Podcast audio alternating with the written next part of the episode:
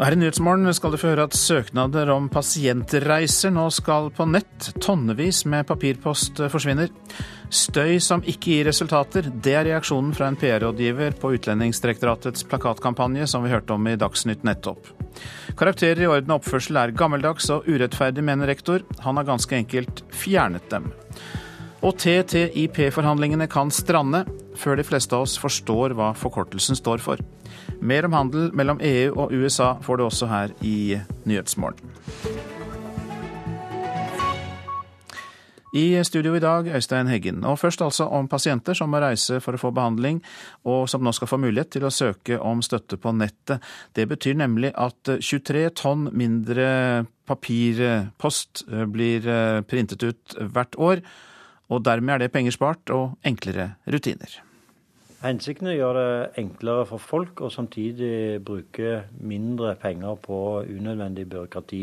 Sier helseminister Bent Høie. Eh, samtidig som pasienten nok opplever at det er mye plunder og heft med disse oppgjørene. Det betyr at det er sannsynligvis òg en del som rett og slett ikke ber om å få refusjon som de egentlig har krav på. Det handler om pasienter som kan få støtte til reiser på mellom 10 og 300 km. I dag må de annet skaffe kvitteringer for reisen og bekreftelse fra legen før de fyller ut et søknadsskjema. Og sender det til Skien, hvor vi hver dag mottar ca. 100 kg post eller 23 tonn post i løpet av et år. Det er ca. 700 000 søknader i løpet av et år. Forteller Øystein Næss, som er assisterende direktør ved Senter for pasientreiser i Skien. Fra 1.10 kan pasienten i stedet logge seg inn på helsenorge.no, fylle ut et elektronisk søknadsskjema hvor mye av informasjonen automatisk dukker opp. Det eneste de trenger å fylle ut, er behandlingssted og dato, og trykke på send. Samtidig innføres det en standardsats på 2,2 kroner per kilometer, som gjør regnestykket enklere. Staten sparer anslagsvis 40-50 millioner kroner på nyordningen. Men så er det ikke sånn at vi bruker disse pengene til andre ting. En vesentlig del av dette vil da bli brukt til å forbedre ordningen. Forenklingen har fått bred støtte, men flere av høringsinstansene har reagert på at minsteavstand for reisestøtte er økt fra 3 til 10 kilometer. Forenkling, svarer helseministeren. Mange av henvendelsene handler om eh, veldig korte reiser med veldig små beløp. Eh, så krever det ressurser, og de ressursene vil vi heller bruke på å forbedre ordningen for de som har lengre reiser. Og reporter var Katrin Hellesnes. Republikanernes presidentkandidat Donald Trump sier han skal besøke Mexico i dag, bare timer før han skal holde en tale om innvandring. We can build a wall, and by the way, Mexico can pay for the wall, just so you understand. You know, all of these guys say, oh. Trump har flere ganger i sin kampanje varslet at han vil bygge en mur mot Mexico, og sier han skal få meksikanerne til å betale for det hele. Ifølge Trump sender Mexico kriminelle og voldtektsforbrytere over grensa til USA. Han har også sagt at han vil deportere 11 millioner ulovlige innvandrere. I mars svarte den meksikanske finansministeren at de ikke skal betale for noen mur, og at de ikke vil finansiere det han kaller disse forferdelige planene. I dag har også Trump varslet at han skal holde en tale om innvandring. Og samtidig bekrefter han på Twitter at han har takket ja til en invitasjon fra president Enrique Peña Nieto i Mexico, og at han ser frem til at de to møtes. Ifølge den meksikanske presidenten er dette et privat møte. Dette blir den andre turen Donald Trump tar utenlands som presidentkandidat. I juni besøkte han Skottland. Da gratulerte han skottene med Storbritannias vedtak om å forlate Den europeiske union, selv om 62% av skottene hadde stemt for å bli.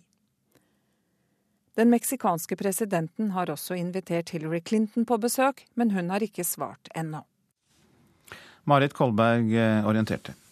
Nord-Korea skal ha henrettet to høytstående tjenestemenn, ifølge myndighetene i Sør-Korea, den tidligere landbruksministeren Wang Min og en av lederne i Utdanningsdepartementet, Ri Yong-jin, ble henrettet tidligere denne måneden fordi de skal ha opponert mot landets leder Kim Jong-un. Kim skal ifølge sørkoreansk etterretning ha henrettet mer enn 70 personer i Nord-Koreas maktelite etter at han overtok som landets leder i slutten av 2011. Gjennom en ny eh, plakatkampanje håper UDI at flere utlendinger uten lovlig opphold skal forlate landet. I går hørte vi at bortimot halvparten av de 31 000 asylsøkerne som kom i fjor, risikerer avslag på søknaden. Hvis de likevel blir værende, har de begrenset med rettigheter, sier avdelingsdirektør Kristine Wilberg i UDI. Ja, Det er viktig å opplyse om at når man ikke har lovlig opphold i Norge, så har man heller ikke lov til å verken arbeide eller studere. Og da er det jo for veldig mange et bedre alternativ å reetablere seg i hjemlandet. Uten oppholdstillatelse kan du ikke studere. Hvis du velger å dra hjem, kan du få dekket både billetten og en startkapital i hjemlandet ditt. Står det på plakatene som er satt opp ved trafikknutepunkter i 31 norske kommuner. Hittil i år har drøyt 1000 personer takket ja til såkalt assistert retur, som gir dem betalt hjemreise og rundt 20 000 kroner i startkapital. Samtidig er det et økende antall personer med avslag i norske asylmottak. Målgruppa er både disse og andre, sier Wilberg. Alle som ikke har lovlig opphold, både de som har søkt asyl, eller de som har kommet til Norge på annet vis og ikke har lovlig opphold. Og også de som er rundt dem, f.eks. folk de er i kontakt med, frivillige organisasjoner, som også kan ha behov for å kjenne til informasjonen. Plakaten er trykket på engelsk, arabisk, somali, kurdisk samt de viktigste språkene i Afghanistan og Etiopia. PR-rådgiver Jarle Aabø reagerer både på pengebruken og på at plakatene utplasseres i det offentlige rom. Og at UDI ønsker å fylle det offentlige rom med fremmedspråk, som et stort flertall av norsk befolkning ikke skjønner, det må de jo gjerne gjøre. Eh, men det er å forblir støy. Det andre elementet er er det regningssvarende å bruke så mye penger på en så liten målgruppe, og kanskje ikke ha noen særlig effekt i det hele tatt. UDI har to ganger tidligere gjennomført lignende kampanjer, og mener det har ført til at flere har valgt å reise frivillig. Wilberg peker bl.a. på de store kostnadene ved å ha folk boende i mottak. Denne kampanjen koster omtrent 800 000-900 000, og til sammenligning så er det sånn at det koster omtrent 130 000 å ha en asylsøker boende i mottak et år. Da vil det ikke skulle så mange til som returnerer før det lønner seg. Reporter her, det var Tom Ingebrigtsen. Regjeringen har lovet et forsvarsløft til 165 milliarder kroner, men interne dokumenter viser at det ikke er planlagt store budsjettøkninger neste år, skriver Klassekampen. Ifølge avisa utsetter regjeringen de store bevilgningene til etter stortingsvalget. Forsvarsminister Ine Eriksen Søreide bekrefter overfor avisa at de største kostnadene til forsvarsløftet kommer etter 2020, men mener lekkasjene fra langtidsplanen er et forsøk på å manipulere demokratiske prosesser. Og dette bør vi jo finne ut mer av, og du skal hjelpe oss med det snart, Håvard Grønli. Ja, det er iallfall en god del spørsmål å stille til forsvarsministeren nå om dagen. Hun kommer til Politisk kvarter klokka 7.45. Og foruten programlederen så møter hun der Arbeiderpartiets Anniken Huitfeldt. Så til det avisen er opptatt av. Et eh, sykehjem med egen fotballpub kan vi lese om i Aftenposten. På Manglerudhjemmet i Oslo er det også egen spa- og velværeavdeling. Hver dag skal være en god dag, sier direktør Janne Sonerud i Unicare Omsorg. SV-byråd Inga Marte Thorkildsen sier at de på Manglerudhjemmet er flinke til å få fram det positive de får til, og at kommunen kanskje har noe å lære av det. Borettslag forbyr elbiler i parkeringshuset under boligene, får vi vite i Fedrelandsvennen. Brattbakken borettslag i Kristiansand frykter at elbilene skal ta fyr, og nekter nye elbileiere å parkere der. Beboere avisa har snakket med, mener styret i borettslaget overdriver brannfaren. Sjef i TV 2-sporten varsler brutale kutt, skriver Bergens Tidende. I en intern e-post skriver redaksjonssjef Tore Rørtveit at de gylne tidene i TV 2 er over, og han varsler massiv omstilling og oppsigelser. Ledelsen i TV 2-sporten sier at den ikke ønsker å kommentere saken overfor Bergens Tidende. IS mister fotfeste i Midtøsten og vender nå blikket mot Vesten, skriver Vårt Land. Idet IS trekker seg tilbake, setter de fyr på oljekildene som har skaffet dem inntekter. Samtidig øker faren for spektakulære angrep i Vesten, skriver avisa. Bekymringen for global oppvarming får større plass på oljemessen i Stavanger enn noensinne, registrerer Dagens Næringsliv. Men avisen noterer seg også at noen bryter ut av rekkene. Steinar Riise i offshoreservice-selskapet Ocean Installer sier at det bare er noen få miljøaktivister i Norge som skriker høyt, og at det ikke er folkets mening. Ny folkesykdom stjeler søvn, er oppslaget i Dagbladet. Over 420 000 nordmenn fikk utskrevet sovemedisin i fjor. Og sterkest er økningen blant barn og unge fra 10 til 19 år. Leger og forskere advarer mot bruk av mobil og nettbrett i senga eller før man skal legge seg, for det aktiverer hjernen og gjør oss mer våkne. Nå om forkortelsen TTIP, som vi kanskje ennå ikke har lært oss, men kanskje vi slipper, fordi Frankrike vil be EU-kommisjonen å stanse forhandlingene med USA om denne kontroversielle handelsavtalen. Forhandlingene om det transatlantiske handels- og investeringspartnerskapet startet i 2013, men skepsisen er økende i flere europeiske land, også i store EU-land som Tyskland og Frankrike. Handelsministrene i EU skal nå samles til et uformelt møte i Bratislava 22.9. Du skal hjelpe oss å forstå dette, Christian Anton Smeltzer. Velkommen. Takk.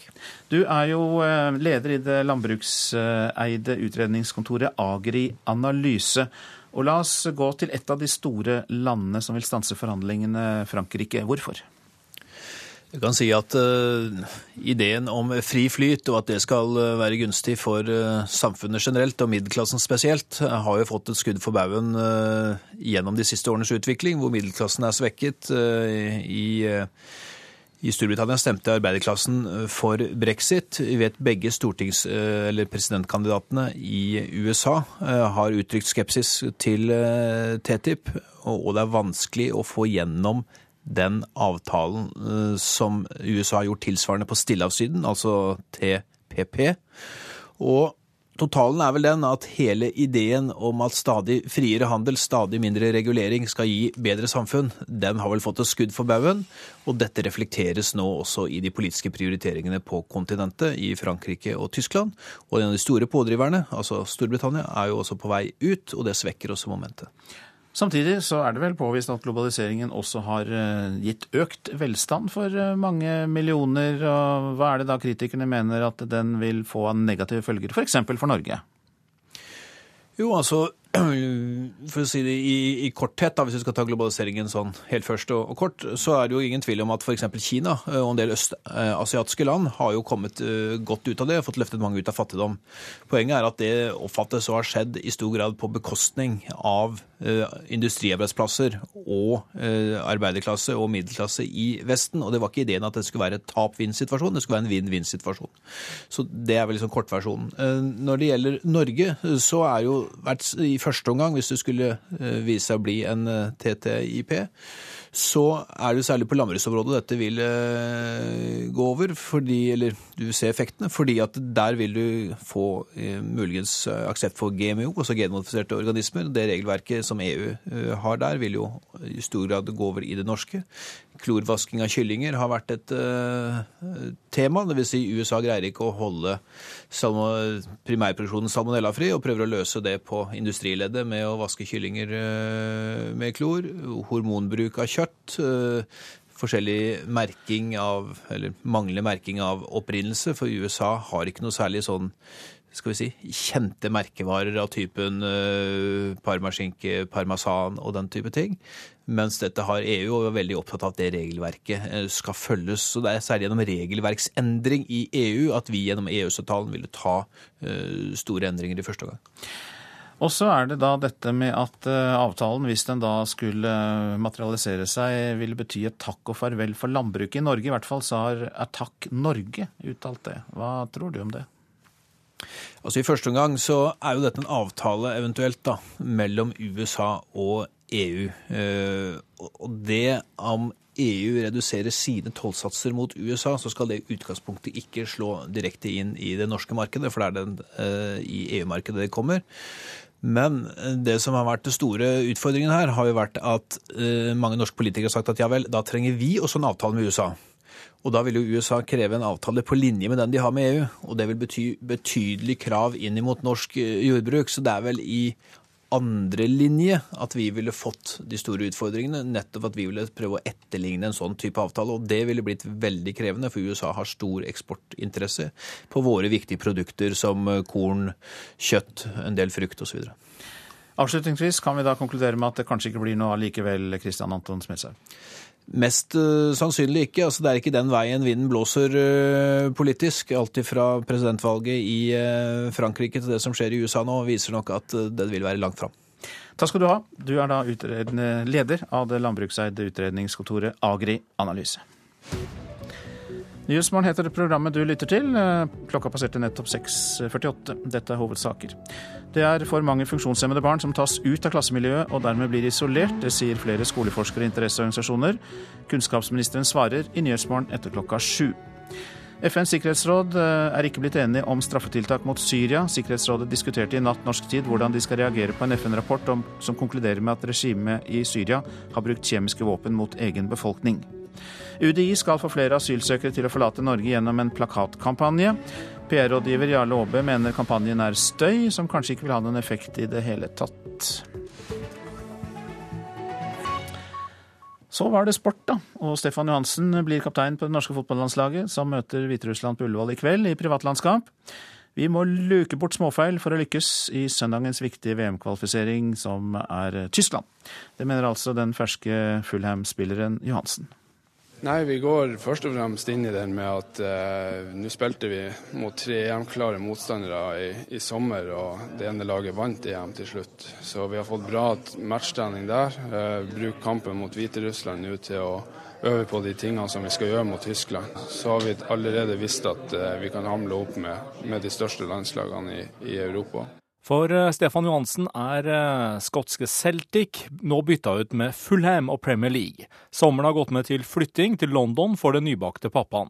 Kontrakten med Celtic gikk ut, og partene ble ikke enige om en ny. Derfor ble det klubbbytte på nordlendingen. Når vi ikke ble enige om kontrakt, så er det veldig naturlig at man begynner å se seg om etter eh, andre muligheter. Det var annen interesse òg, men jeg syns totalpakken med Fulham og og klubber som satser sånn, så passer det utrolig bra for meg i, på dette tidspunktet. Ettersom landslagskaptein Per Siljan Skjelbred er småskadet, stepper uh, Johansen inn som vikar mot Hviterussland på Ullevål i kveld. Hvis de vil at jeg skal være kaptein, selvfølgelig så er det en stor ære for meg. Men eh, forhåpentligvis så tror alle i gruppa også håper at eh, Per blir klar. Det er en viktig spiller for oss. og eh, Hvis han er klar, så er han kaptein. Og du kan høre kampen på NRK1 fra klokka 19.30 i kveld. Reporter var eh, Pål eh, Thomassen. Karakterer i orden og oppførsel er gammeldags og urettferdig. Det mener eh, rektor Leif Gunnar Vikene ved Bergeland videregående skole i Stavanger, som har droppet disse karakterene. Og flere skoler følger etter. For meg så har det gått ganske bra de to siste årene. At jeg ikke har fått anmerkninger. Jeg føler at jeg må ta ansvar for meg sjøl. Anja Hansen går i tredje på Bergeland og har aldri fått god, nokså god eller lite god i karakterboka. Hun og venninnene Nicole Dølen og Pearl Sudaria er blant de første i landet som går ut av videregående uten disse vurderingene. Jeg eh, trives aller best uten karakterer i orden atferd. Det sier lærer Helena Eraklus Hallgren. Hun er ikke i tvil om at skolehverdagen nå har blitt bedre. Eh, det handler om å få kontakt med eleven, eh, og mindre tid i papirer, mindre tid bak PC-skjermen. Men det å snakke med elevene om det de har gjort, og hvordan de kan endre atferd. Og læreren får full støtte av rektor Leif Gunnar Vikene. Ja, det er ingen tvil om det. Han syns disse karakterene er gammeldagse, urettferdige og lite utviklende. De to karakterene skiller seg ut fra all annen vurdering man gjør i skolen. Jeg kaller de ofte for eh, sanksjoner i vurderingsklær. Eh, de kan, karakterene kan bare bli dårligere. Og eh, de er gjenstand for et eh, grunnlag som et synderegister på elever. Og det gir på en måte eh, det som har med relasjoner mellom lærer og elev. Det bare skaper avstand istedenfor nærhet. Og rektoren får støtte fra Læringsmiljøsenteret ved Universitetet i Stavanger, som har fulgt prosjektet nøye. Fordelene er flere enn ulempene, fastslår professor Edvin Bru lærere og elever peker på at eh, når en fjerner karakterer i orden og atferd, så opplever de at relasjonen mellom eh, lærer og elev blir bedre. Og nå får Bergeland følge av to nye skoler i Rogaland. Denne høsten dropper Strand og Kopervik karakterer i orden og oppførsel. Rektor ved Bergeland, Leif Gunnar Vikene, tror hele Skole-Norge snart følger etter vi ser ingen grunn til at uh, Norge skal stå i en sånn særstilling som det gjør. Det er det eneste landet i Europa som har karakterer i orden og atferd. Og det syns vi er en levning uh, som nå vi må bli kvitt. Rektor Leif Gunnar Vikene ved Bergland videregående skole og reporter Øystein Ellingsen. Elever ved Kulturskolen i Bergen kan miste plassen dersom de ikke er motivert eller viser tilstrekkelig framgang, skriver Bergens Tidende. Skolen ønsker kvalitet framfor kvantitet, men på Oslo gitarskole skaper det reaksjoner. Neste rene intervall, eh, kvart. riktig, en ren kvart. 'Smoke on the Water' for eksempel, er laget på parallelle kvarter. Musikkelev Sigurd Lange Rogde og lærer Frode Barth er i full gang med å gjennomgå dagens leksjoner i gitarspilling ved Oslo gitarskole see that man Yeldon? I'm sure it's a psychopath. Or that girl with the cheap purse. Men ved siden av klimpring på egenskrevne låter og øvingsspill er det også et helt annet tema som diskuteres denne timen. Jeg tror at en stor musiker, en bra musikkpedagog, ville aldri tenke på å kaste den eleven ut fra fra, fra, en institusjon som Kulturskolen, som, som skal, skal fange massene. Det syns jeg er så urimelig. Det sier gitarlærer Frode Barth. Han er en av dem som reagerer sterkt på nyheten i Bergens Tidende om at Kulturskolen i Bergen nå vil åpne for at umotiverte elever som ikke viser tilstrekkelig framgang i faget, kan miste skoleplassen sin. Men det forsvarer Mardon Aavitsland, rektor ved Kulturskolen i Bergen. Jeg er jo ikke uenig i at uh, så lenge et barn har lyst til å spille, så skal de få lov til å spille. Det lar seg legge til at de som kanskje ikke har så veldig lyst, de legger heller ikke så mye egen tid inn i dette. og de skal få lov å slippe etter min vurdering. Han forklarer at bakgrunnen for det nye regelverket startet med et initiativ fra lærerne, som etter en årelang prosess endte med et vedtak i Bergen bystyre om en ny handlingsplan for skolen. Det er denne planen skolen nå følger opp. Det som da er nytt, er at vi har blitt tydeligere på en fagplanprosess, der vi har eh, definert forventet læringsutbytte ut ifra en positiv forventning til hver enkelt elev, og godt forankret i, lange, eh, altså i mange års erfaring. Kulturskolen skal tilby ulike aktiviteter og læring i kunstfag, og bli drevet av kommunene. Og på spørsmål om det nye reglementet i Bergen nå vil bryte med prinsippet om en åpen kulturskole for alle, er Aavitsland helt klar. Men det er åpent for alle, og spesielt for de som har lyst. Poenget her er jo å gi et best mulig læringsutbytte til alle elevene våre. Reporter var Linda Reinholdsen og Brage Berglund. Boka 'Makteliten' kårer landets 252 mektigste mennesker, og ble jo lansert i går, som en del av oss hørte. 15 av de mektige her i landet er fra kultur- og medielivet. En av dem er direktør for Oslo Filharmoniske Orkester, Ingrid Røynes, Røynesdal. Og her skal vi høre at hun leser opp begrunnelsen for at hun er med. Hun er en klarttenkende og analytisk kulturleder med store ambisjoner for det hun leder. Hvordan er det å få en, eh, et sånt skussmål? Det er utrolig ærefullt, ikke minst når det kommer fra sånne redaktører som dette her. Ingrid Røynesdal er det nærmeste man kommer en uh, unnskyld uttrykket Wonderboy i norsk kulturliv. Hun er statsviter, pianist på høyt nivå, junior-norgesmester i tennis og en respektert leder i kulturlivet. Men når jeg spør henne om hun selv syns hun har noe på denne listen å gjøre, ja, så trekker hun på det. Jeg opplever at jeg har et stort ansvar, men uh, makt er på en måte ikke et ord jeg uh, veldig ofte tar i munnen. Også teatersjef ved Det Norske Teatret, Erik Ulfsby, er fornøyd med å komme med på denne listen. Vi slåss for vår plass, og da, da er man jo en spiller, en, en aktør. Det er klart det er åpenbart. Men å være en spiller uten makt er egentlig ingenting. Så makt er i Ulfsbys øyne et privilegium. Ja, det syns jeg. Altså, hvis man er redd for makt, så, så, får man gjøre noe annet. Altså, jo, makt er et privilegium. Det er klart det er det. Men hva slags makt er det egentlig vi snakker om her? Redaktør for boken, Knut Olav Åmås, forklarer. Det vi har sett etter, er eh, de 252 eh, som, som, har eh, innenfor hver sektor størst innflytelse på, på, politikk og økonomi. Så eh, det er en hard makt vi har leita etter. Men hvis man ser på listen over kulturliv og medier og tar bort mediesiden, da er det med ett unntak kun det tradisjonelle kulturlivet. Det er forlag, klassisk musikk, kunst og teater. Hvorfor nådde det ingen opp fra popindustrien eller filmindustrien eller fra de nye mediene internettet. Vi har valgt å, å, å, tone ned fordi det er så mange i denne sektoren som først og fremst har, har, opinionsmakt. Det er to slående ting ved utvalget av disse 252 maktmenneskene i Norge. Det ene er den skjeve kjønnsfordelingen. Og på kultur- og medielisten er det en tredel kvinner, resten menn. Det er mange kvinner på nivå, nivå nummer to, men eh, ennå ikke, ennå ikke særlig jevnt uh, i, på toppledernivå. Den andre slående tingen, og særlig på listen over maktmennesker innen kultur og medier, at der er det ikke mange representanter utenfor Oslo. Nei, det er det ikke, og det har vi jobba mye med. Men vi har uh, Eh, vi har vel eh, knapt funnet noen med stor nok nasjonal kulturmakt utenfor Oslo. Sånn mener vi at det dessverre er. Reporter var Birger Kolsrud Jåsund.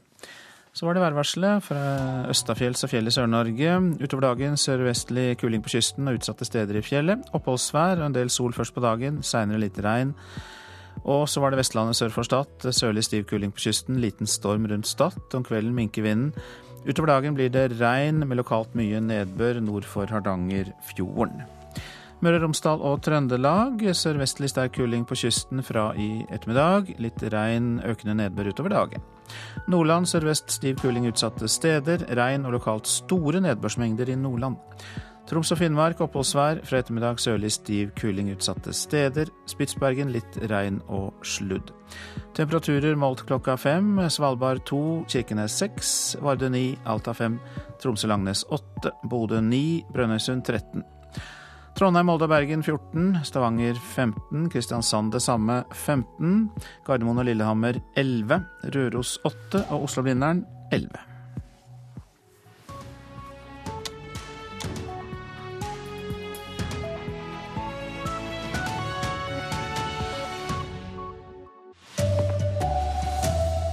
I dag forsvinner bompengene i Oslofjordtunnelen. Brannvesenet frykter flere ulykker.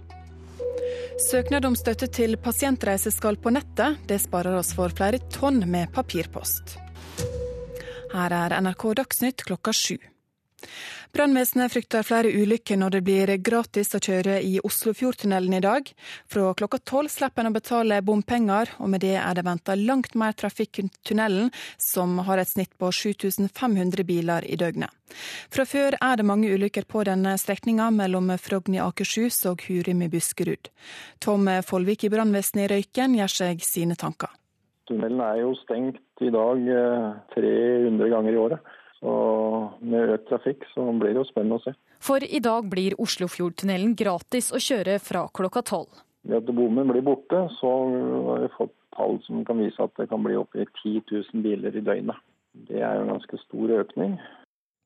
Reporter Liv Rønnaug Lilleåsen. 3000 nye båtflyktninger er redda i Middelhavet mellom Libya og Italia det siste døgnet. Det opplyser den italienske kystvakta. Dermed er tallet på mennesker som er redda fra båter i området 10 500 bare siden søndag. Det siste døgnet blir omtalt som et av de travleste på flere år. Totalt har det vært flere enn 30 operasjoner for å redde folk fra drukning i forsøket på å komme til Europa.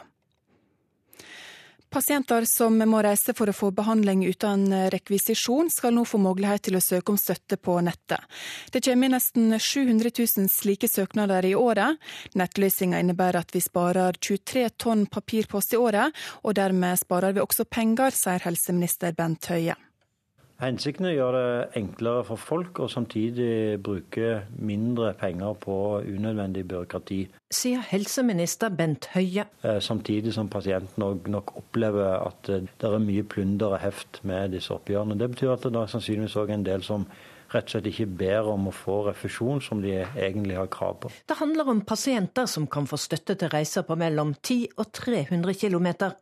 I dag må de bl.a. skaffe kvitteringer for reisen og bekreftelse fra legen før de fyller ut et søknadsskjema. Det sa reporter Katrin Hellesnes. Åtte biler har blitt satt fyr på i og rundt København i natt. Det melder danske Ekstrabladet. De siste to ukene har det blitt satt fyr på over 30 kjøretøy. Dansk politi samarbeider nå med kollegaer i Sverige for å finne ut av og stoppe dette. I Malmö har det vært over 70 bilbranner på kort tid, og den svenske regjeringa har lova å sette inn tiltak. Det var NRK Dagsnytt. I studio, Ingvild Ryssdal.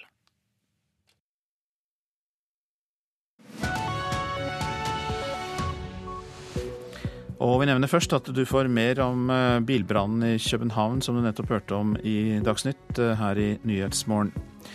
Det er begynnelsen på et liv i isolasjon når funksjonshemmede sluses ut av klasserommene, frykter forskere. Hva sier kunnskapsministeren? Han skal vi snakke med i Nyhetsmorgen. Vi skal også høre fra samferdselsministeren, som er ved Oslofjordtunnelen i dag. Der fjernes bompengene. Og eh, Porsgrunn kommune har bygd et topp moderne toalett til 3,4 millioner kroner. Men eh, det er litt vanskelig for noen å komme fram til det, skal vi høre. Det er eh, for mange funksjonshemmede barn som tas ut av klassemiljøet og dermed blir isolert. Det sier flere skoleforskere og interesseorganisasjoner, som mener at bedre tilrettelegging i klassemiljøene må til for å hindre at funksjonshemmede faller utenfor samfunnet allerede i barneskolen.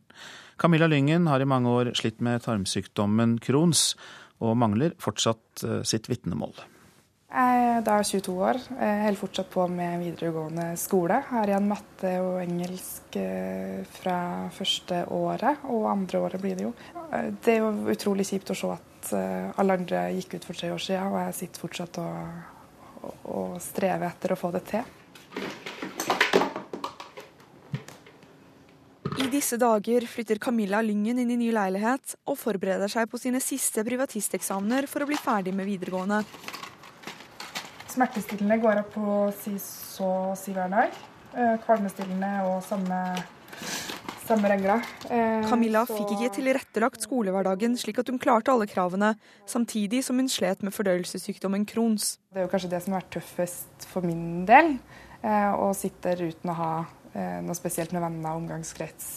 Eh, når folk skal på ting, eller at du ser at folk har vært på ting. Og så er det sånn, ja, det var fint at man fikk den invitasjonen sjøl, eller hvem skal man fære med? Eh, så det har vært tøft. Forsker Jan Tøssebro er direktør ved NTNU samfunnsforskning. Han fulgte over 600 familier med funksjonshemmede barn i over 20 år. 85% av disse barna fikk uføretrygd i 18-årsalderen. Du får jo en sånn type isolasjon av funksjonshemmede. Eh, en segregering som går utover segregeringa i skolen. Og det har jo vært politisk uønska i Norge siden 60-tallet. Tydeligere målsetting om en inkluderende skole må til fra politisk hold, mener Tøssebro. Særlig de konkrete politiske signalene, det som handler om hvordan måle skoler opp mot hverandre så er du på en måte på karakterer og prestasjoner og sånt noe. Det er ingen skoler som måles på hvor flink de er til å inkludere barn med utviklingshemming. Funksjonshemmedes Fellesorganisasjon får mange henvendelser om barn som blir tatt ut av vanlige klasser og utenforskapet de opplever. Det sier generalsekretær Lillian Elvestad. Regjeringen har ikke fulgt opp dette godt nok. Og vi utfordrer Torbjørn Røe Isaksen til å sette funksjonshemmede på pensum i lærerutdanningen. I dag står 87 000 funksjonshemmede utenfor arbeidslivet. Og dette starter allerede i barneskolen. Og vi legger til at NRK har vært i kontakt med skolen eh, Lyngen gikk på. De sier der at det er vanskelig å uttale seg i enkeltsaker, men at de ønsker denne diskusjonen velkommen, og at de hele tida jobber med å forebygge frafall. Reportere Milana Knesevic og Iselin Fjell. Kunnskapsminister Torbjørn Røe Isaksen, god morgen til deg. Morgen, morgen. Ja, Hvordan reagerer du når du hører dette her, at funksjonshemmede barn som får tilrettelagt undervisning, men tas ut av klasserommet, blir kanskje mer mobbet og isolert? Nei, jeg reagerer med å si at dette vet vi delvis fra før, og at det er ikke akseptabelt. Det er jo en av de tingene som vi, som vi må se på, det er f.eks. spesialundervisning. Det er bra i Norge at man har en rett til å få ekstra oppfølging og ekstra undervisning og ekstra tilrettelegging hvis man trenger det. Men hvis spesialundervisningen blir en måte å dytte folk ut av fellesskapet på, ut av de klasserommene og ut av, ut av de vante rammene og over til undervisning som kanskje til og med er dårligere og svakere, så er jo ikke spesialundervisning godt nytt for den som får det. Nei, da er jo realitetene helt i strid med de inkluderende idealene som forskeren snakket om i dette innslaget. Ja, og det er et inkluderende ideal i skolen som vi, som vi skal hele tiden strebe mot, som, som sier at Målet vårt er jo at flest mulig av elevene skal få den undervisningen, også tilrettelagt og etter sine egne evner og behov. Men 85 i, i uføre, uføre når de er 18 år, hadde denne forskeren kommet fram til. Han fulgte jo veldig mange familier over mange år. Og det er en, eh, og, og dette er, eh, Jeg var i arbeids- og sosialkomiteen på Stortinget i forrige periode, og det, dette, så dette er ikke tall jeg er ukjent med. Vi ser jo at det starter allerede i skolen. Eh, At flere faller ut. Det kan være en funksjonshemming. Det kan også være eh, psykiske lidelser. Det kan være type lese- og skrivevansker, språkvansker, eh, mattevansker eller, eller tallvansker. Og at de da får større problemer med å komme inn i arbeidslivet senere. Så er det ikke én løsning for alle de, alle de forskjellige eh, enkeltmenneskene eller, eller gruppene. For det, det er, eh, kan være store forskjeller på en funksjonshemmet som eh, trenger en bedre tilrettelagt skole rent fysisk. En som har lese- og skrivevansker, språkvansker, som kanskje aller helst må bli oppdaget tidlig i skoleløpet. Og en som f.eks. er blind og rett og slett trenger litt tilrettelegging på arbeidsplassen for å kunne utføre de samme arbeidsoppgavene som oss andre. Det høres ikke ut som det er én løsning på dette problemet, for vi skal vel ikke tilbake til spesialskolene der de virkelig var isolert fra resten av skolemiljøet? Nei, vi skal ikke tilbake til spesialskolene. eh, Men, eh, og det er heller ikke som jeg sier, det er heller ikke slik at det finnes én ting vi kan gjøre, men, men det er utrolig viktig både å hele tiden få diskusjonen opp, og så tror jeg skolen er en nøkkel her. Eh, Og en av diskusjonene som vi burde ha, det er nettopp bruken og praktiseringen av spesialundervisningsregelverket i Norge. Forrige regjering hadde en, eh, hadde en stortingsmelding om spesialundervisningen som vi i veldig stor grad har fulgt opp. Det har ført til en del positive ting, f.eks. en liten nedgang i andelen som får spesialundervisning, men det har nok ikke fungert slik man ønsket. Altså Det har i hvert fall ikke vært nok. Så jeg vurderer nå om vi trenger et nytt en ny runde hvor vi ser på rett og slett måten hele systemet for spesialundervisning er bygget opp og fungerer på.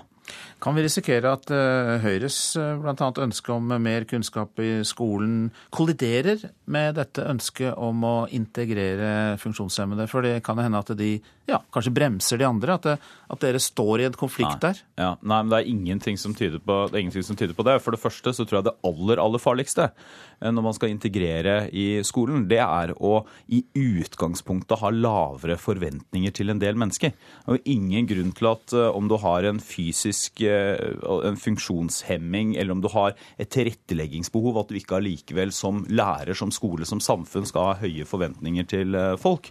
Og det andre er at det er heller ingenting som tyder på at en klasse eller en skole blir som du sa, sikkert som da forsøk på å provosere fram et svar, blir i hermetegn holdt tilbake, er det ingenting som tyder på. Så, så det er ingen motsetning mellom inkludering og kunnskapsskolen. Det er en jobb å gjøre her for, for deg bl.a., kunnskapsminister Torbjørn Røe Isaksen. Takk for at du kom. Bare hyggelig.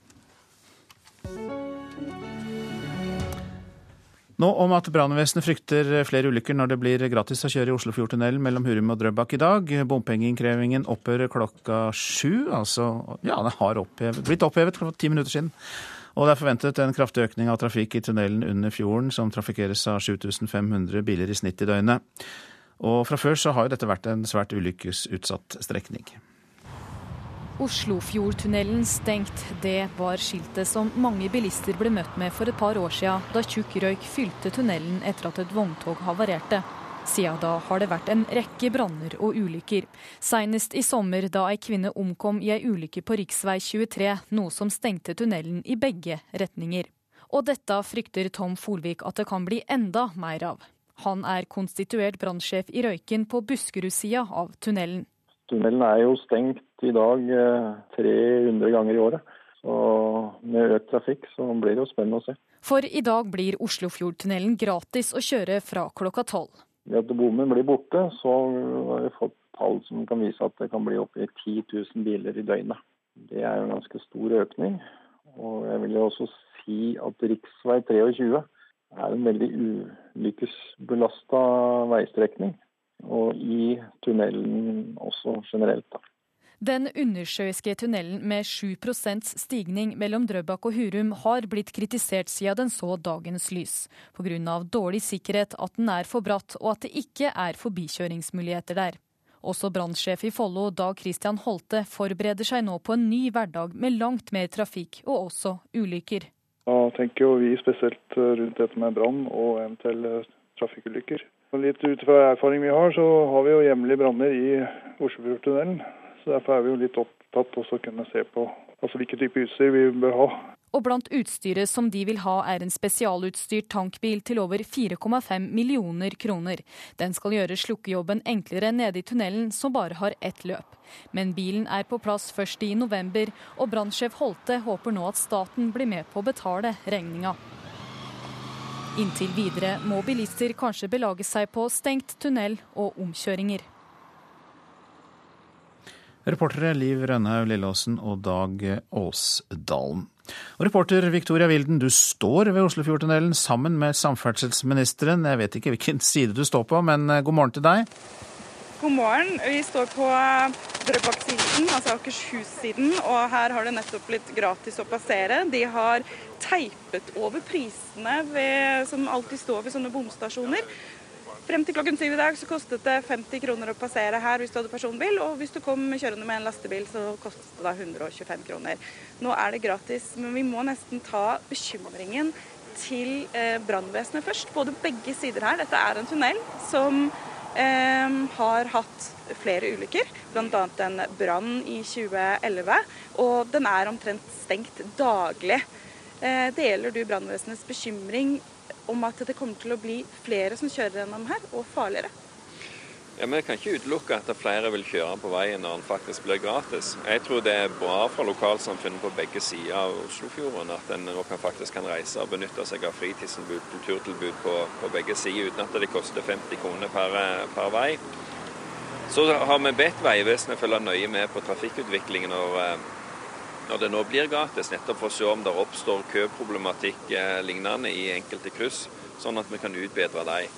Men alt i alt, vi har en god beredskap. Vi skal ivareta sikkerheten. Men samtidig så skal en ikke drive på å innkreve bompenger lenge etter prosjektet er nedbetalt. Forrige regjering gjorde det, vi avslutter det. Det har vært mye snakk om et nytt løp for å bedre sikkerheten. Man trenger to løp for at dette skal være trygt. Når er det det kommer? Det jobbes med i disse dager. Vi har eh, utredninger som Vegvesenet gjør i forhold til hva som er mulig, hva ting koster og hva, hvor fort en kan gjøre ting. Den ene løsningen er jo å bygge et løp til ved siden av det som er i dag. Men det har en stigningsgrad som eh, ikke er i tråd med de reglene en selv har pålagt seg. Alternativet er å bygge ei bru, men det er det òg en del folk som protesterer imot. Så her er det både fordel og ulempe som vi må veie opp mot hverandre. Men det er ingen tvil om at en må få en bedre løsning enn den Oslofjordtunnelen har i dag. og Det jobber vi med for å få til. Og En bedre løsning, det betyr en eh, veiutbygging. Og det betyr kanskje at det blir bompenger igjen da på denne veien? Som Frp-politiker så ønsker jeg å unngå det. og Det kommer vi til å jobbe for å unngå. Men vi vet òg at stortingsflertallet er for bompenger. Så hvor kompromisset blir på det, det gjenstår å se. Enn så lenge kan man da også kjøre gratis eh, den undersjøiske tunnelen gjennom. Mange takk skal du ha, reporter Victoria Wilden ved Oslofjordtunnelen sammen med samferdselsminister Ketil Solvik-Olsen. Nyhetsmorgen lytter du til, klokka passerte nettopp 7.16. Dette er hovedsaker. Det er for mange funksjonshemmede barn som tas ut av klassemiljøet og dermed blir isolert. Det sier flere skoleforskere. Og Kunnskapsministeren svarte her i Nyhetsmorgen at han tar dette alvorlig, men at det er mange forskjellige grupper funksjonshemmede som kanskje trenger ulike løsninger. FNs sikkerhetsråd er, blitt eh, enige om straffetiltak, er ikke blitt enige om straffetiltak mot Syria. Sikkerhetsråd diskuterte det i natt, eh, hvordan de skal reagere på en FN-rapport som konkluderer med at regimet har brukt kjemiske våpen mot egen befolkning. 3000 båtflyktninger er reddet i Middelhavet mellom Libya og Italia det siste døgnet. Det opplyser italiensk kystvakt, så dermed er tallet på mennesker reddet fra båter i området oppe i 10 500 bare siden søndag. I natt ble åtte biler påtent av ukjente gjerningspersoner i København og området rundt. Det melder Ekstrabladet. Det har vært en rekke branner den siste tiden. De to siste ukene har flere enn 30 kjøretøyer blitt påtent. Nok en gang har brannmenn rykket ut for å slukke brennende biler i Københavns gater. I natt brente totalt åtte biler i den danske hovedstaden. Og disse brannene er ikke startet av seg selv, konstaterer vaktsjef hos Københavns politi, som ennå leter etter gjerningsmennene. Seks av bilene befant seg i forstedene utenfor bykjernen. Tre av dem var totalt utbrent, og tre var forsøkt utbrent, opplyser Københavns politi. Det ble ikke meldt om personskader, men dette er ikke første gang biler blir satt i full fyr i København. Forrige helg brant rundt 13 biler i den danske hovedstaden og sju kjøretøy i Kristianshavn. Før det ble tre mopeder og en bil påtent på Nørrebro. Dansk politi samarbeider med svenske kollegaer, som også har hatt en bølge bilbranner i sommer. Til sammen har det vært 70 bilbranner i Malmö siden begynnelsen av juli, og nå har den svenske regjeringen lovet å sette inn tiltak. Svensk politi sier bilbranner i flere tilfeller brukes av kriminelle gjenger for å distrahere politiet, mens forskere peker på at bilbranner er uttrykk for frustrasjon som følge av segregering og økende forskjeller i samfunnet. Reporter Martin Holvik. I dag holder Storbritannias statsminister Theresa May sitt første kabinettmøte etter sommerferien, og øverst på dagsorden står selvsagt brexit. London-korrespondent Espen Aas, hva er det de må snakke om i dag? Ja, Når regjeringen i dag samles i landlige omgivelser på eiendommen Checkers i Buckinghamshire utenfor London, så kommer statsministeren til å be sine regjeringsmedlemmer om svar. Hun ga ministrene en hjemmelekse før sommerferien. Finn de mulighetene som finnes eh, for ditt departement ved en brexit. Flertallet av regjeringsmedlemmene er jo faktisk for å bli værende i EU, eller stemte for det, men har altså nå fått denne utfordringen. Og etter hvert så må de sammen utarbeide et slags skal vi si, veikart for utmeldelse. Det som starter med effektiviseringen av denne etter hvert så omtalte artikkel 50 i Lisboa-traktaten, og som da er to år med forhandlinger med de andre 27 EU-landene om hva slags forhold Storbritannia skal ha med resten av EU. Statsministeren har indikert at dette kommer til å skje rett over nyåret, og dermed så er Storbritannia tidligst utmeldt eh, på starten av 2019. Ja, finn muligheter og lag veikart, men eh, det er vel noe som allerede er bestemt om denne utmeldelsen, som er krystallklart? Ja, Det er jo usedvanlig lite. Eh, det som er klart, er at det skal være en brexit. Det har eh, Theresa May gjentatt. Det blir ikke noen ekstra uh, folkeavstemning, noen folkeavstemning nummer to. Men hun har jo utnevnt tre departementer som har hovedansvaret for denne prosessen. Det er Utenriksdepartementet, som ledes av den tidligere London-borgermesteren Boris Johnson. Det er et nytt internasjonalt handelsdepartement som ledes av EU-skeptikeren Liam Fox. Han skal forresten møte næringsministeren vår her i London om et par uker. Og så er det David Davis, som er en egen brexit-minister. De tre eh, er de viktigste aktørene og skal lede dette arbeidet. Men de tre er eh, uenige seg imellom om eh, hva slags tidsforløp som ligger her, om hvem som skal ha hvilke ressurser osv. Så, videre. så de har faktisk måttet ha et lite fredsmøte nå forut for denne regjeringskonferansen. Ja, Hva blir det aller vanskeligste, tror du? Det er nok eh, til sjuende og sist hva slags forhold Storbritannia skal ha til EU. Der er det store uh, meningsforskjeller innad. Finansministeren Philip Hammond han sa nylig at Storbritannia absolutt burde være tilknyttet til EUs indre marked, f.eks. via EØS, slik som Norge. Det sattes inn i kok hos andre ministre og partikolleger, som mener at det er det siste Storbritannia må gjøre, for da er de også nødt til å si ja til fri flyt av arbeidskraft. og dermed arbeidsinnvandring, som har vært en av de store, store debattene med EU-medlemskapet. Eh, e eh, men også som jeg nevnte innledningsvis, eh, så jo, tikker jo klokken her, da, med flere tilbakevendende diskusjoner. Og EU-landene presser jo også hardt på at noe skal skje. For dem har det jo vært et vakuum rundt EU, kanskje helt tilbake til da daværende statsminister David Cameron reforhandlet den gamle EU-avtalen til Storbritannia, den som fikk tommelen ned. Og siden da så har det blitt brukt veldig mange uker og dager på denne saken, mens mange EU-land jo heller mener at de burde snakke om ting som flyktningkrise, økonomi og sikkerhetspolitikk, men så er det Storbritannia og EU det handler mye om.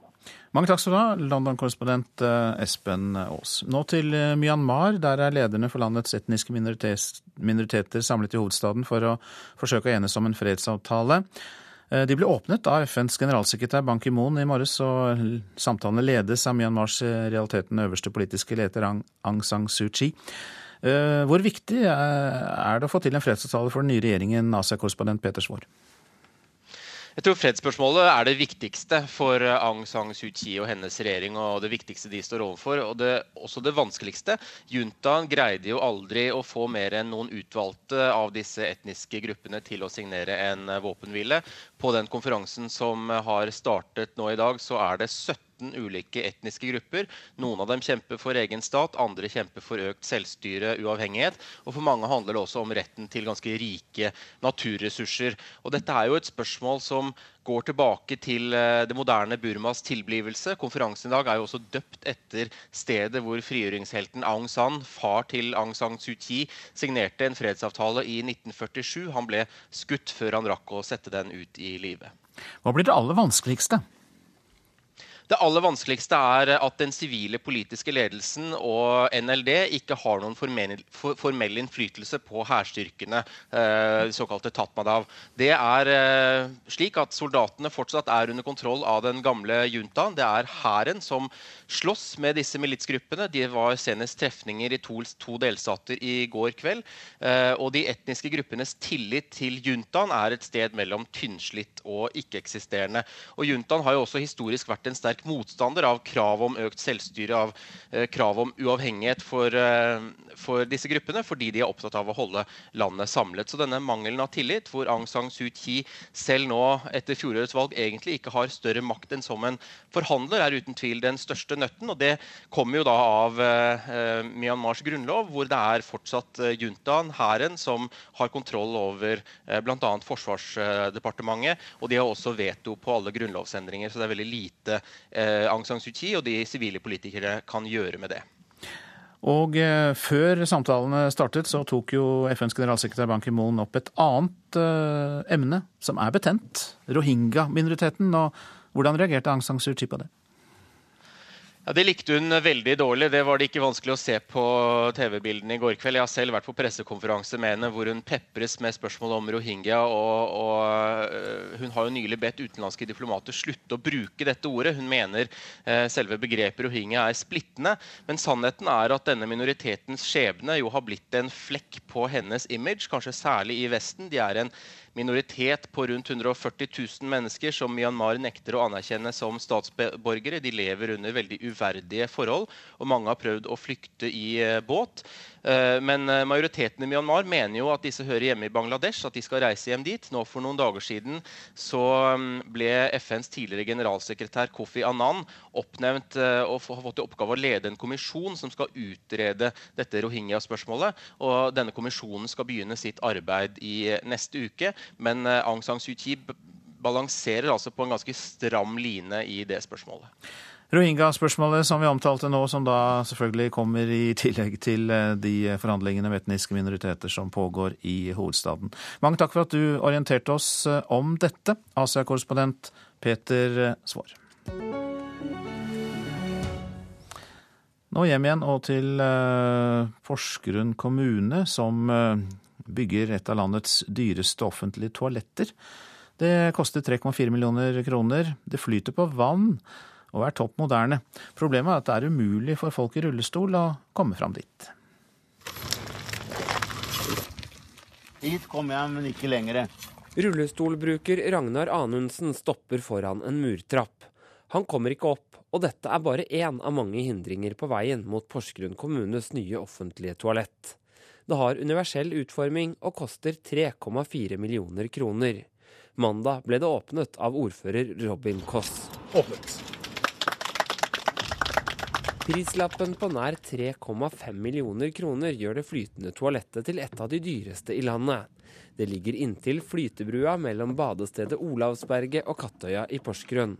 For å komme til toalettene må du gå om lag fem minutter og hundrevis av trappetrinn. Her kommer jeg ikke på do, vet du.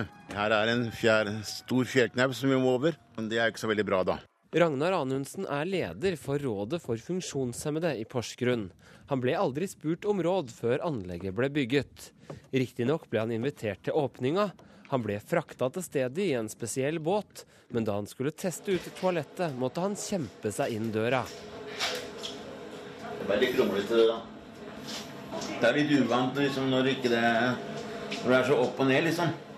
Det blir litt oppoverbakke, vet du. Det flytende toalettet vugger, så det blir motbakker og utfordrende å bruke for rullestolbrukere.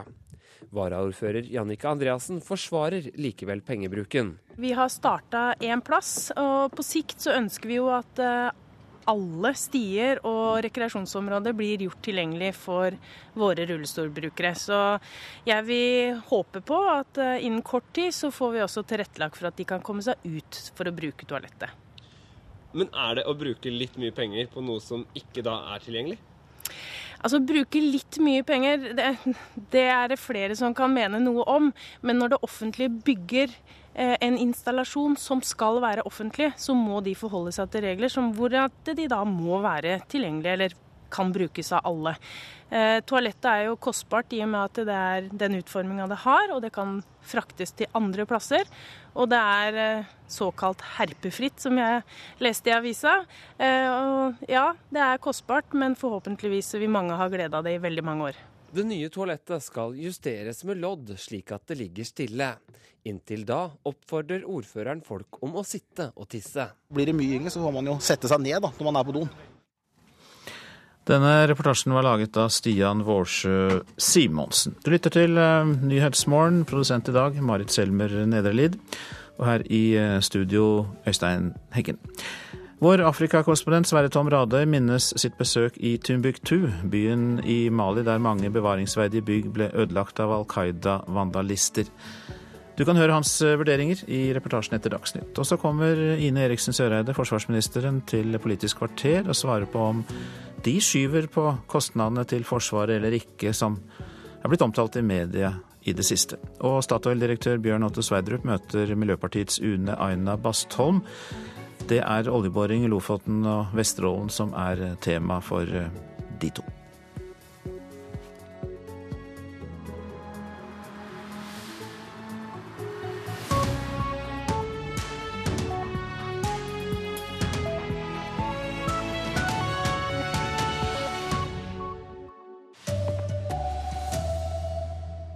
Bompengene i Oslofjordtunnelen er fjerna, nå frykter brannvesenet flere ulykker. Mange funksjonshemma savner tilrettelegging i skolen, sier de føler seg isolerte. Det er jo kanskje det som har vært tøffest for min del, eh, å sitte uten å ha eh, noe spesielt med venner og omgangskrets. Han sier de skal betale for muren han vil bygge. I dag møter Donald Trump Mexicos president. Her er NRK Dagsnytt klokka er 7.30. Brannvesenet frykter flere ulykker etter at det ble gratis å kjøre i Oslofjordtunnelen mellom Hurum og Drøbak i dag. Fra klokka sju i dag slapp en å betale bompenger, og med det er det venta langt mer trafikk i tunnelen, som har et snitt på 7500 biler i døgnet. Fra før er det mange ulykker på denne strekninga.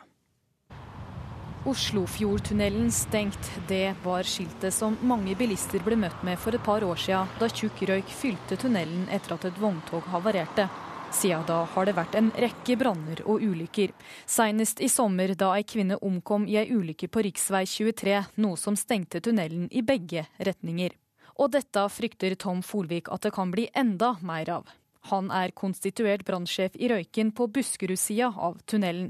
Tunnelen er jo stengt i dag 300 eh, ganger i året. Så med økt trafikk så blir det jo spennende å se. For i dag blir Oslofjordtunnelen gratis å kjøre fra klokka tolv. Ved at bommen blir borte, så har vi fått tall som kan vise at det kan bli opptil 10 000 biler i døgnet. Det er en ganske stor økning. Og jeg vil jo også si at rv. 23 er en veldig ulykkesbelasta veistrekning. Og i tunnelen også generelt. da. Den undersjøiske tunnelen med 7% stigning mellom Drøbak og Hurum har blitt kritisert siden den så dagens lys, pga. dårlig sikkerhet, at den er for bratt og at det ikke er forbikjøringsmuligheter der. Også brannsjef i Follo, Dag Christian Holte, forbereder seg nå på en ny hverdag med langt mer trafikk og også ulykker. Da tenker jo vi spesielt rundt dette med brann og eventuelle trafikkulykker. Litt ut fra erfaring vi har, så har vi jo hjemlige branner i Oslofjordtunnelen. Så Derfor er vi jo litt opptatt av å kunne se på altså hvilke type utstyr vi bør ha. Reportere var Liv Rønne Glillåsen og Dag Åsdal. For mange funksjonshemma barn blir tatt ut av klassemiljøet og blir isolerte. Det mener flere skoleforskere og interesseorganisasjoner, som mener det må tilrettelegges bedre. Camilla Lygen er en av de som fremdeles mangler vitnemål. Jeg er da 22 år, holder fortsatt på med videregående skole. Det er jo utrolig kjipt å se at eh, alle andre gikk ut for tre år siden, og jeg sitter fortsatt og, og strever etter å få det til. I disse dager flytter Camilla Lyngen inn i ny leilighet og forbereder seg på sine siste privatisteksamener for å bli ferdig med videregående. Smertestillende går jeg på si så si hver dag. Eh, kvalmestillende og samme, samme regler.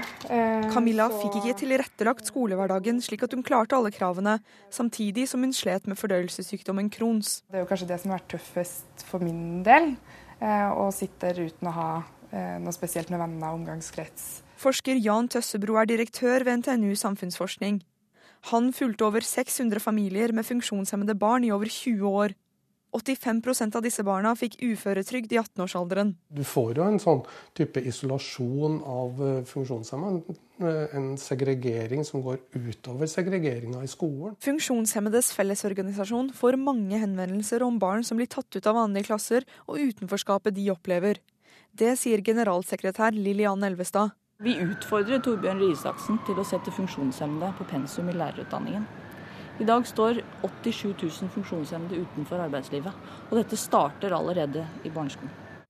Skolen Lyngen gikk på sier det er vanskelig å uttale seg i enkeltsaker, men sier de ønsker diskusjonen velkommen, og at de hele tida jobber med å forebygge frafall.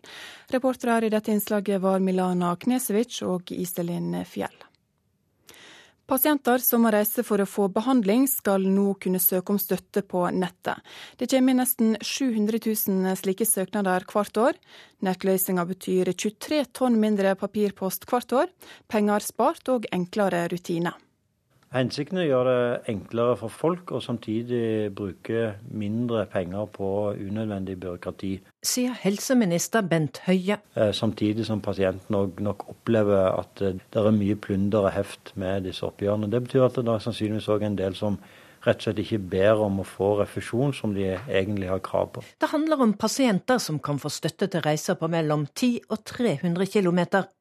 I dag må de bl.a. skaffe kvitteringer for reisen og bekreftelse fra legen før de fyller ut et søknadsskjema. og sender det til Skien, hvor vi hver dag mottar ca. 100 kg post eller 23 tonn post i løpet av et år. Det er ca. 700 000 søknader i løpet av et år. Forteller Øystein Næss, som er assisterende direktør ved Senter for pasientreiser i Skien. Fra 1. oktober kan pasienten i stedet logge seg inn på helsenorge.no, fylle ut et elektronisk søknadsskjema hvor mye av informasjonen automatisk dukker opp. Det eneste de trenger å fylle ut, er behandlingssted og dato, og trykke på send. Reporter i dette innslaget var Katrin Hellesnes. Gjennom en ny plakatkampanje håper UDI at flere utlendinger uten lovlig opphold skal reise fra landet. I går hørte vi at bortimot halvparten av de 31 000 asylsøkerne som kom i fjor, risikerer avslag på søknaden. Om de likevel blir værende, har de avgrensa retter. Det sier avdelingsdirektør Kristine Wilberg i UDI. Når man ikke har lovlig opphold i Norge, så har man heller ikke lov til å verken arbeide eller studere. Og da er det jo for veldig mange et bedre alternativ å reetablere seg i hjemlandet. Uten oppholdstillatelse kan du ikke studere. Hvis du velger å dra hjem, kan du få dekket både billetten og en startkapital i hjemlandet ditt. Står det på plakatene som er satt opp ved trafikknutepunkter i 31 norske kommuner. Hittil i år har drøyt 1000 personer takket ja til såkalt assistert retur. Samtidig er det et økende antall personer med avslag i norske asylmottak. Målgruppa er både disse og andre, sier Wilberg. Alle som ikke har lovlig opphold, både de som har søkt asyl, eller de som har kommet til Norge på annet vis og ikke har lovlig opphold. Det sa Kristine Wilberg i UDI til reporter Tom Ingebrigtsen. Nå til amerikansk politikk. Republikanernes presidentkandidat Donald Trump sier han skal besøke Mexico i dag. Beskjeden kommer bare timer før han skal holde en tale om innvandring. We can build a wall. And by the way, Mexico can pay for the wall, just so you understand. You know, all of these guys say, oh, they'll never pay. Of course they'll pay. Trump har flere ganger i sin kampanje varslet at han vil bygge en mur mot Mexico, og sier han skal få meksikanerne til å betale for det hele. Ifølge Trump sender Mexico kriminelle og voldtektsforbrytere over grensa til USA. Han har også sagt at han vil deportere 11 millioner ulovlige innvandrere. I mars svarte den meksikanske finansministeren at de ikke skal betale for noen mur, og at de ikke vil finansiere det han kaller disse forferdelige planene. I dag har også Trump varslet at han skal holde en tale om innvandring. Og Samtidig bekrefter han på Twitter at han har takket ja til en invitasjon fra president Enrique Peña Nieto i Mexico, og at han ser frem til at de to møtes. Ifølge den meksikanske presidenten er dette et privat møte. Reporter Marit Kolberg. Politiet har arrestert den amerikanske rapperen Chris Brown og beslaglagt flere våpen og narkotika i huset hans i California i natt. Brown, som er kjent for å ha mishandla sin tidligere kjæreste, popartisten Rihanna, nekta å komme ut av huset i elleve timer etter å ha truga ei kvinne med pistol.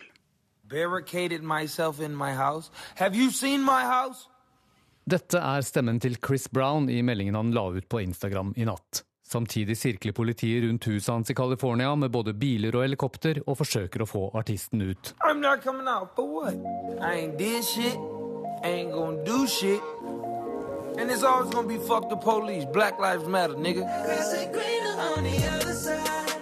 Den amerikanske rapperen som spilte i Oslo Spektrum i begynnelsen av juni i år, gjør narr av det han leser om seg selv på nettet, og sier han ikke har barrikadert seg og heller ikke har gjort noe ulovlig. Men politiloggen sier noe annet. En kvinne som var på fest hos Brown i natt, ringte nemlig politiet og sa at han hadde rettet en pistol mot henne under en krangel. Grunnen til at denne saken vekker så stor oppmerksomhet, er at Chris Brown i 2009 ble dømt for vold mot sin daværende kjæreste, den verdenskjente sangerinnen Rihanna. Den gang tryglet Brown både Rihanna og fansen om tilgivelse, og i årene etter har han stadig hatt mer suksess som artist. Ja, det sa reporter Petter Sommer. Ansvarlig for eh, denne dagsnyttsendinga var eh, Arne Fossland. I studio Ingvild Ryssdal.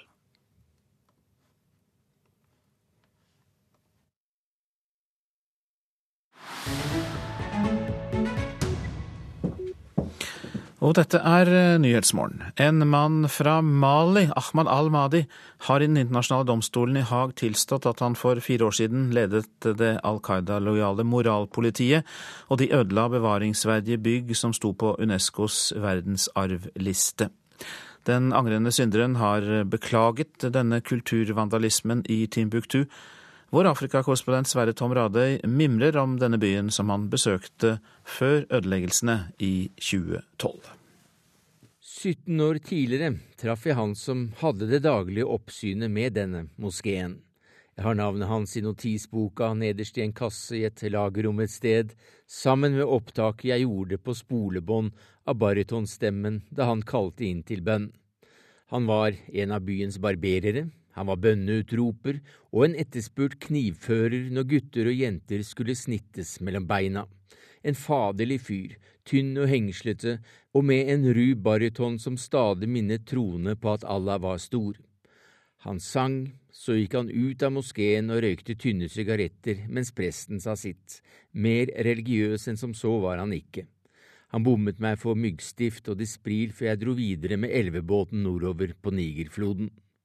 Moskeen ligger sentralt rett til høyre på vei nordover fra Uavhengighetsplassen mot markedet. Du kan ikke ta feil, det lave tårnet er formet som en trekvarts pyramide med et par-tre hundre trestokker som synlig forskaling. Den hellige porten beregnet på dommens dag, fortalte den syngende barbereren meg ingenting om. Derimot sto det et skilt utenfor som forklarte at moskeen også hadde huset en viktig madras, et av Timbuktus 150 læresteder. 25 000 studenter fikk undervisning i medisin, juss og islamske skrifter her i Timbuktu, en av islams viktigste byer for den slags i et par-tre hundre år. Her var det høykultur mellom sanddynene, mens middelalderens mørke toppet seg med svartedauden i Europa. Byen var blitt styrtrik på kamelkaravanene, gull og slaver fra sør, salt og Muhammeds lære fra nord.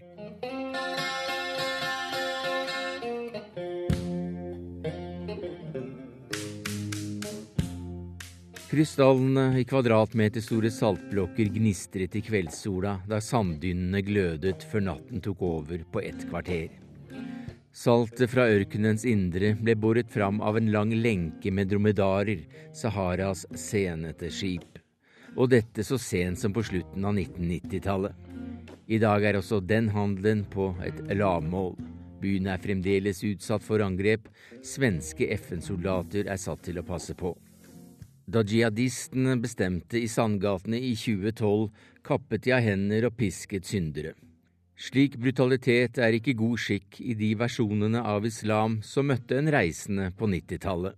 Men de voldelige islamistene i Mali og Sahel vil ikke at noen ber til lokale helgener, om en aldri så muslimske.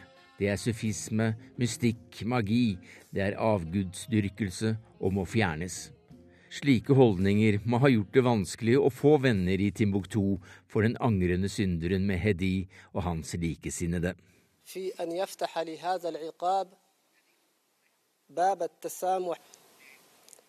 Jeg vil råde muslimer over hele verden til å ikke gjøre som meg, det fører ikke noe godt med seg, sa Mehedi. Moralpolitiet stanset all sang og musikk i denne byen, kjent for sin ørkenmusikkfestival, og for denne kongen over ørkenbluesen, Ali Farka Tuareg.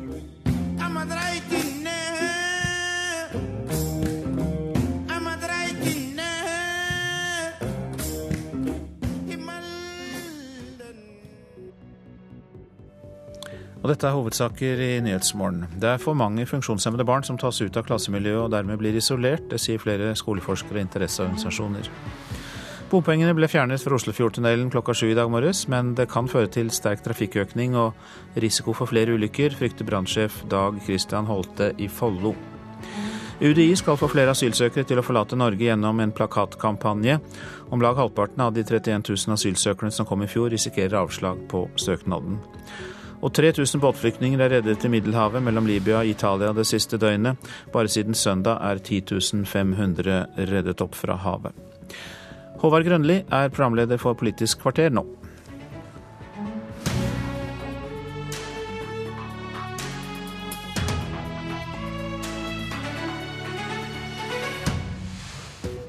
Hva sier lekkasjene fra regjeringa om den kampen som nå står om Forsvaret?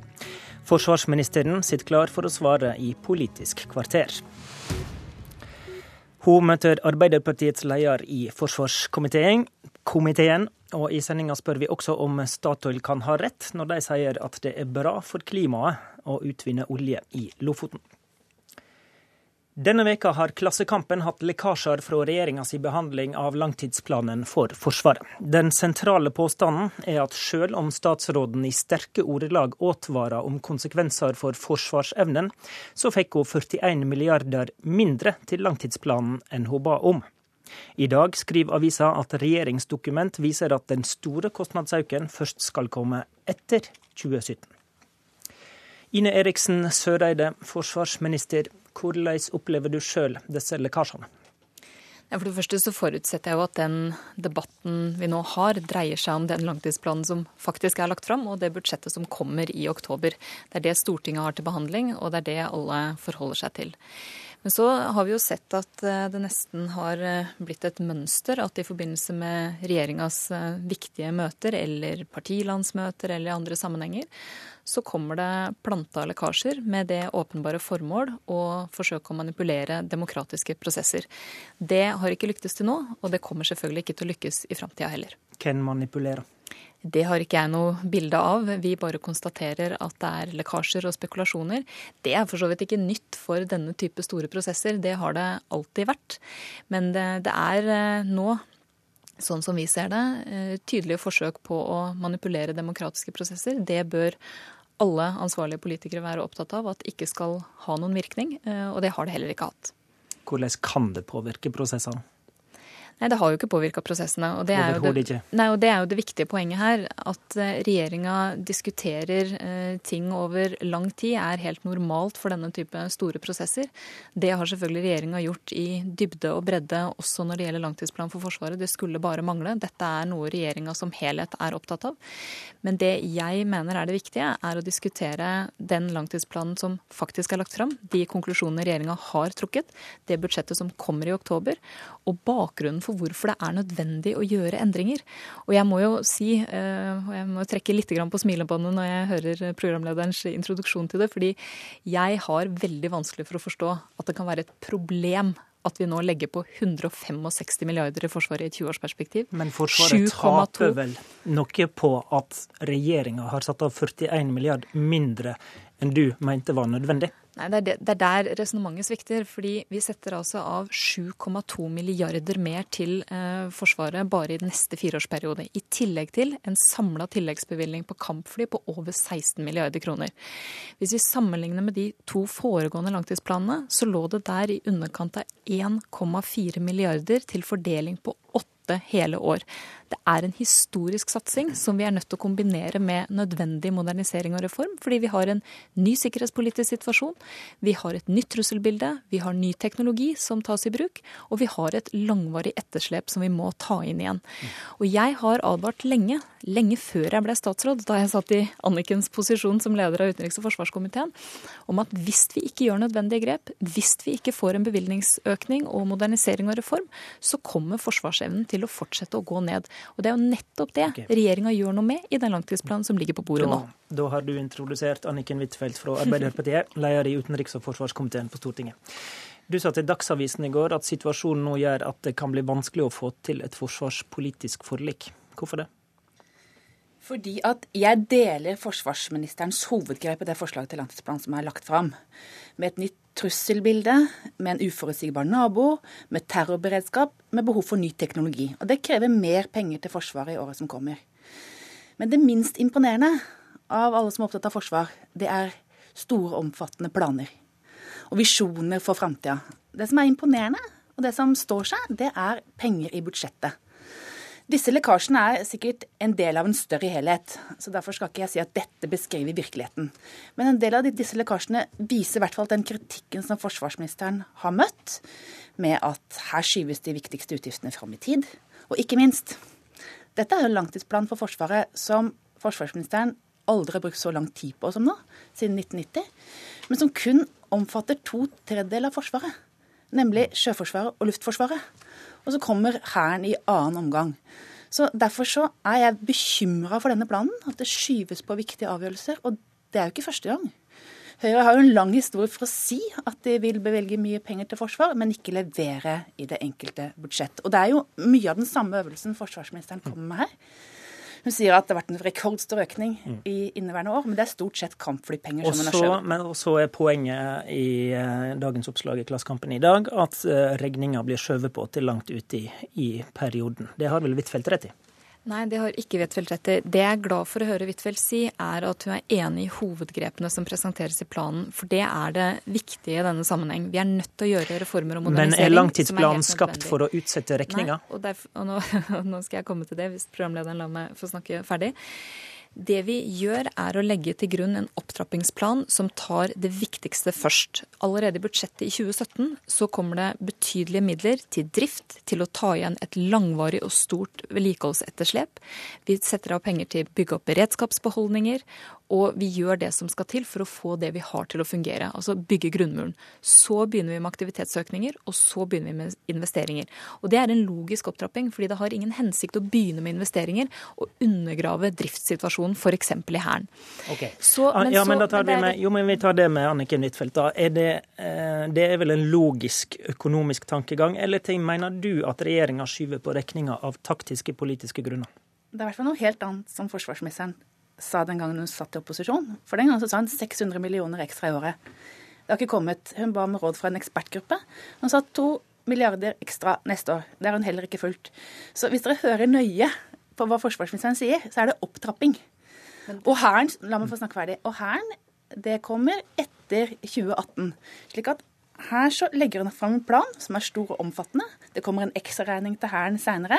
Så høres det flott ut med store planer, men Stortinget må være sikker på én ting. Det er at pengene kommer allerede i 2017. Hvis ikke er denne planen lite imponerende. Men, men, her er det jo veldig mange feil. Ja, i opposisjon så sa vi at vi trengte 500-600 millioner mer i året. Det har vi også levert. Vi har brukt 1 milliard mer enn det hennes regjering, som hun satt i, satt av i 2015 og 2016 til langtidsplanen, og det var helt nødvendig. Så har ekspertgruppa, forsvarssjefen og flere andre gitt innspill til hva som skal skje fra 2017. Og La meg ta det med Hæren, for jeg syns det er et veldig viktig poeng. Det har aldri vært satt av og investert og planlagt så mye i Hæren som det kommer til å bli i den neste fireårsperioden og perioden etter. Men du har jo ikke planen klar for Hæren i langtidsplanen. Men hør, vi kommer i neste fireårsperiode, 2017-2020, til å investere mer enn 5 milliarder kroner i Hæren, i nye CV90, i nye soldatsystemer og i nye lastevogner, bl.a. Vi kommer til å bedre driftssituasjonen, vedlikeholdssituasjonen, beredskapsbeholdningen, sånn at Hæren kan fungere. Vi kommer til å bygge opp et jegerkompani på GSV i Finnmark, som også er en viktig satsing i nord. Og på toppen av det så ligger det i de planene vi har lagt fram, 25 milliarder kroner i investeringsmidler til Hæren fra 2019 til 2028. Det er viktig, men vi må sikre oss at vi bruker de pengene på best mulig måte, så vi har en sterk og relevant okay. landmakt. Huitfeldt til slutt, når situasjonen er som den nå, så må du iallfall som leder i forsvarskomiteen sørge for at Stortinget får et bredt samla forlik, hvis en skal ha tro på langsiktig finansiering? Ja, absolutt. Og det er det behov for. Og Det er behov for et styrket forsvar, men hovedproblemet til forsvarsministeren er at hun peker bakover når hun skal analysere hva som er galt med Forsvaret, framover, veldig langt framover når det gjelder hvem som skal løse det. Men forsvarsministeren må snart slutte bare å utrede okay. og levere på sin egen måte. Jeg peker på 2017. Forsvarsministeren skal videre til budsjettkonferanse. Det er der det blir bestemt. Takk for debatten.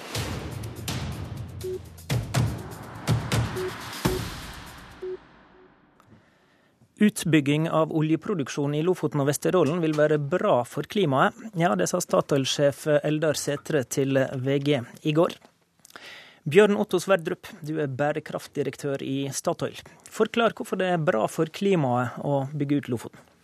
Ja, det mener vi at det er. Men la meg si at utgangspunktet vårt er at vi, eh, motoren i norsk økonomi har vært petroleumsvirksomheten. Og for å opprettholde industriell aktivitet og for norsk industri så er det viktig å ha aktivitet. Og vi ser om seks til åtte år kommer aktiviteten til å falle hvis ikke vi får tilgang til å lete på nytt areal.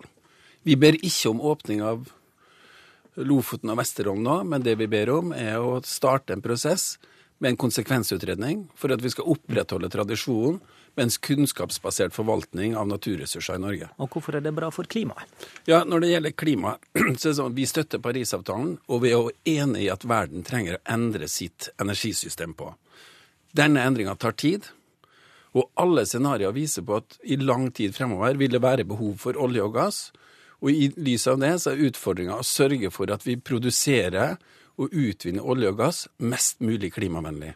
Og her har vi i Norge et fortrinn, for vi gjør det her på en mer klimavennlig enn andre i andre land. Og derfor skal vi si at så lenge det er behov for olje og gass, la oss forsøke å utvinne den så klimavennlig som mulig. Og derfor er det ingen grunn av klimahensyn til å ikke drive petroleumsvirksomhet i Norge. Er Lofoten-området enda mer klimavennlig enn andre steder på norsk sokkel? Nei. Hele norsk sokkel er, greier vi å drive på en veldig med lave klimavennlige fotavtrykk. Men det er heller ingenting knytta til Lofoten og Vesterålen i seg selv som gjør at mm. CO2-utslippene kommer til å være spesielt høye. Okay. Une Aina Bastholm, nasjonal talsperson i Miljøpartiet De Grønne. Hvorfor mener du Statoils resonnement er feil? Først og fremst fordi den rene norske olja finnes ikke. Eh, det er først og fremst i bruken av olje og gass at utslippene kommer, ikke i eh, utvinninga. Og Norge er forresten ikke aller best i utvinning heller. Saudi-Arabia klarer å gjøre det enda, eh, med enda mindre utslipp enn oss.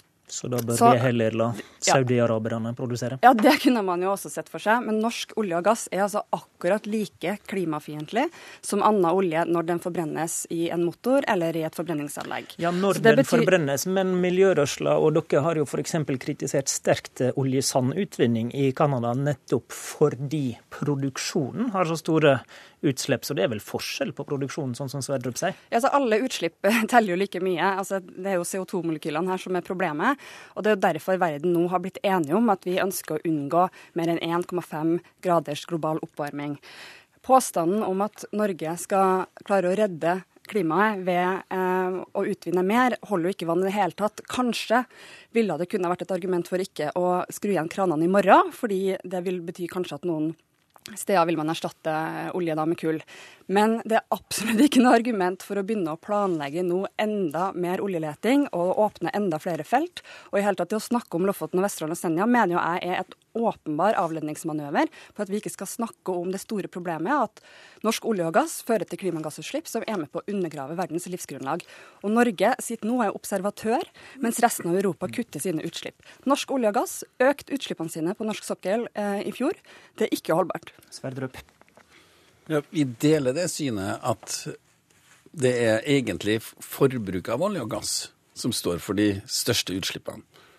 Men når det er sagt, så er det utrolig viktig at vi også vi prøver å redusere utslipp i all aktivitet og i produksjonsleddet. Og jeg tror eh, det er riktig å si at vi har kommet langt i Norge, jobba i nesten ti år med å redusere utslippene vesentlig. Og no, nylig har vi også sagt at vi har satt oss et mål om å redusere utslippene fra norske petroleumsvirksomheten med enda mye mer. Også for å være på linje med både det som er intensjonen i Parisavtalen, men òg i klimaforliket. Men finnes det ifølge Statoil miljøargument for å la være å utvinne olje i Lofoten? Ikke Lofoten og Vesterålen i seg selv. Det er mange andre hensyn som vi må ivareta. Både til dyrebart eh, natur, fiskeriressurser, en levende turisme. Og det å få en helhetlig vurdering og si ikke... er, er et rom for petroleumsvirksomhet òg i det bildet? Det er det vi ber om. Bastholm. Ja, altså I det hele tatt å snakke om Lofoten, Vesterålen og Senja igjen mener jeg er en avledningsmanøver. En lynavleder. Eh, Næringa vet kjempegodt at Lofoten, Vesterålen Senja har så rik kystnatur, det er så viktige fiskeriinteresser der, at det vil aldri bli realistisk. Eh, det det prøves på her, og dessverre også fra regjeringa senest denne uka her, eh, er at man ikke skal snakke om de store utslippene som vår oljesektor fører til. Oljenæringa har vært et oljeeventyr i Norge. Det har gitt oss inntekter Men... som vi kan prise oss for og være veldig glad for. De kan vi nå investere bedre. Det, det Statoil egentlig foreslår her, er at i stedet for at de som selskap skal tilpasse virkeligheten, omstille seg, styrke fornybarsatsinga si, så skal altså norske samfunnet bruke milliardbeløp i oljesubsidier som ikke bare er klimafiendtlige, men som også undergraver naturen i Lofoten, Vesterålen og Senja. Takk til Une Aina Bastholm i MDG og Bjørn Otto Sverdrup i Statoil. I studio, Håvard Grønli.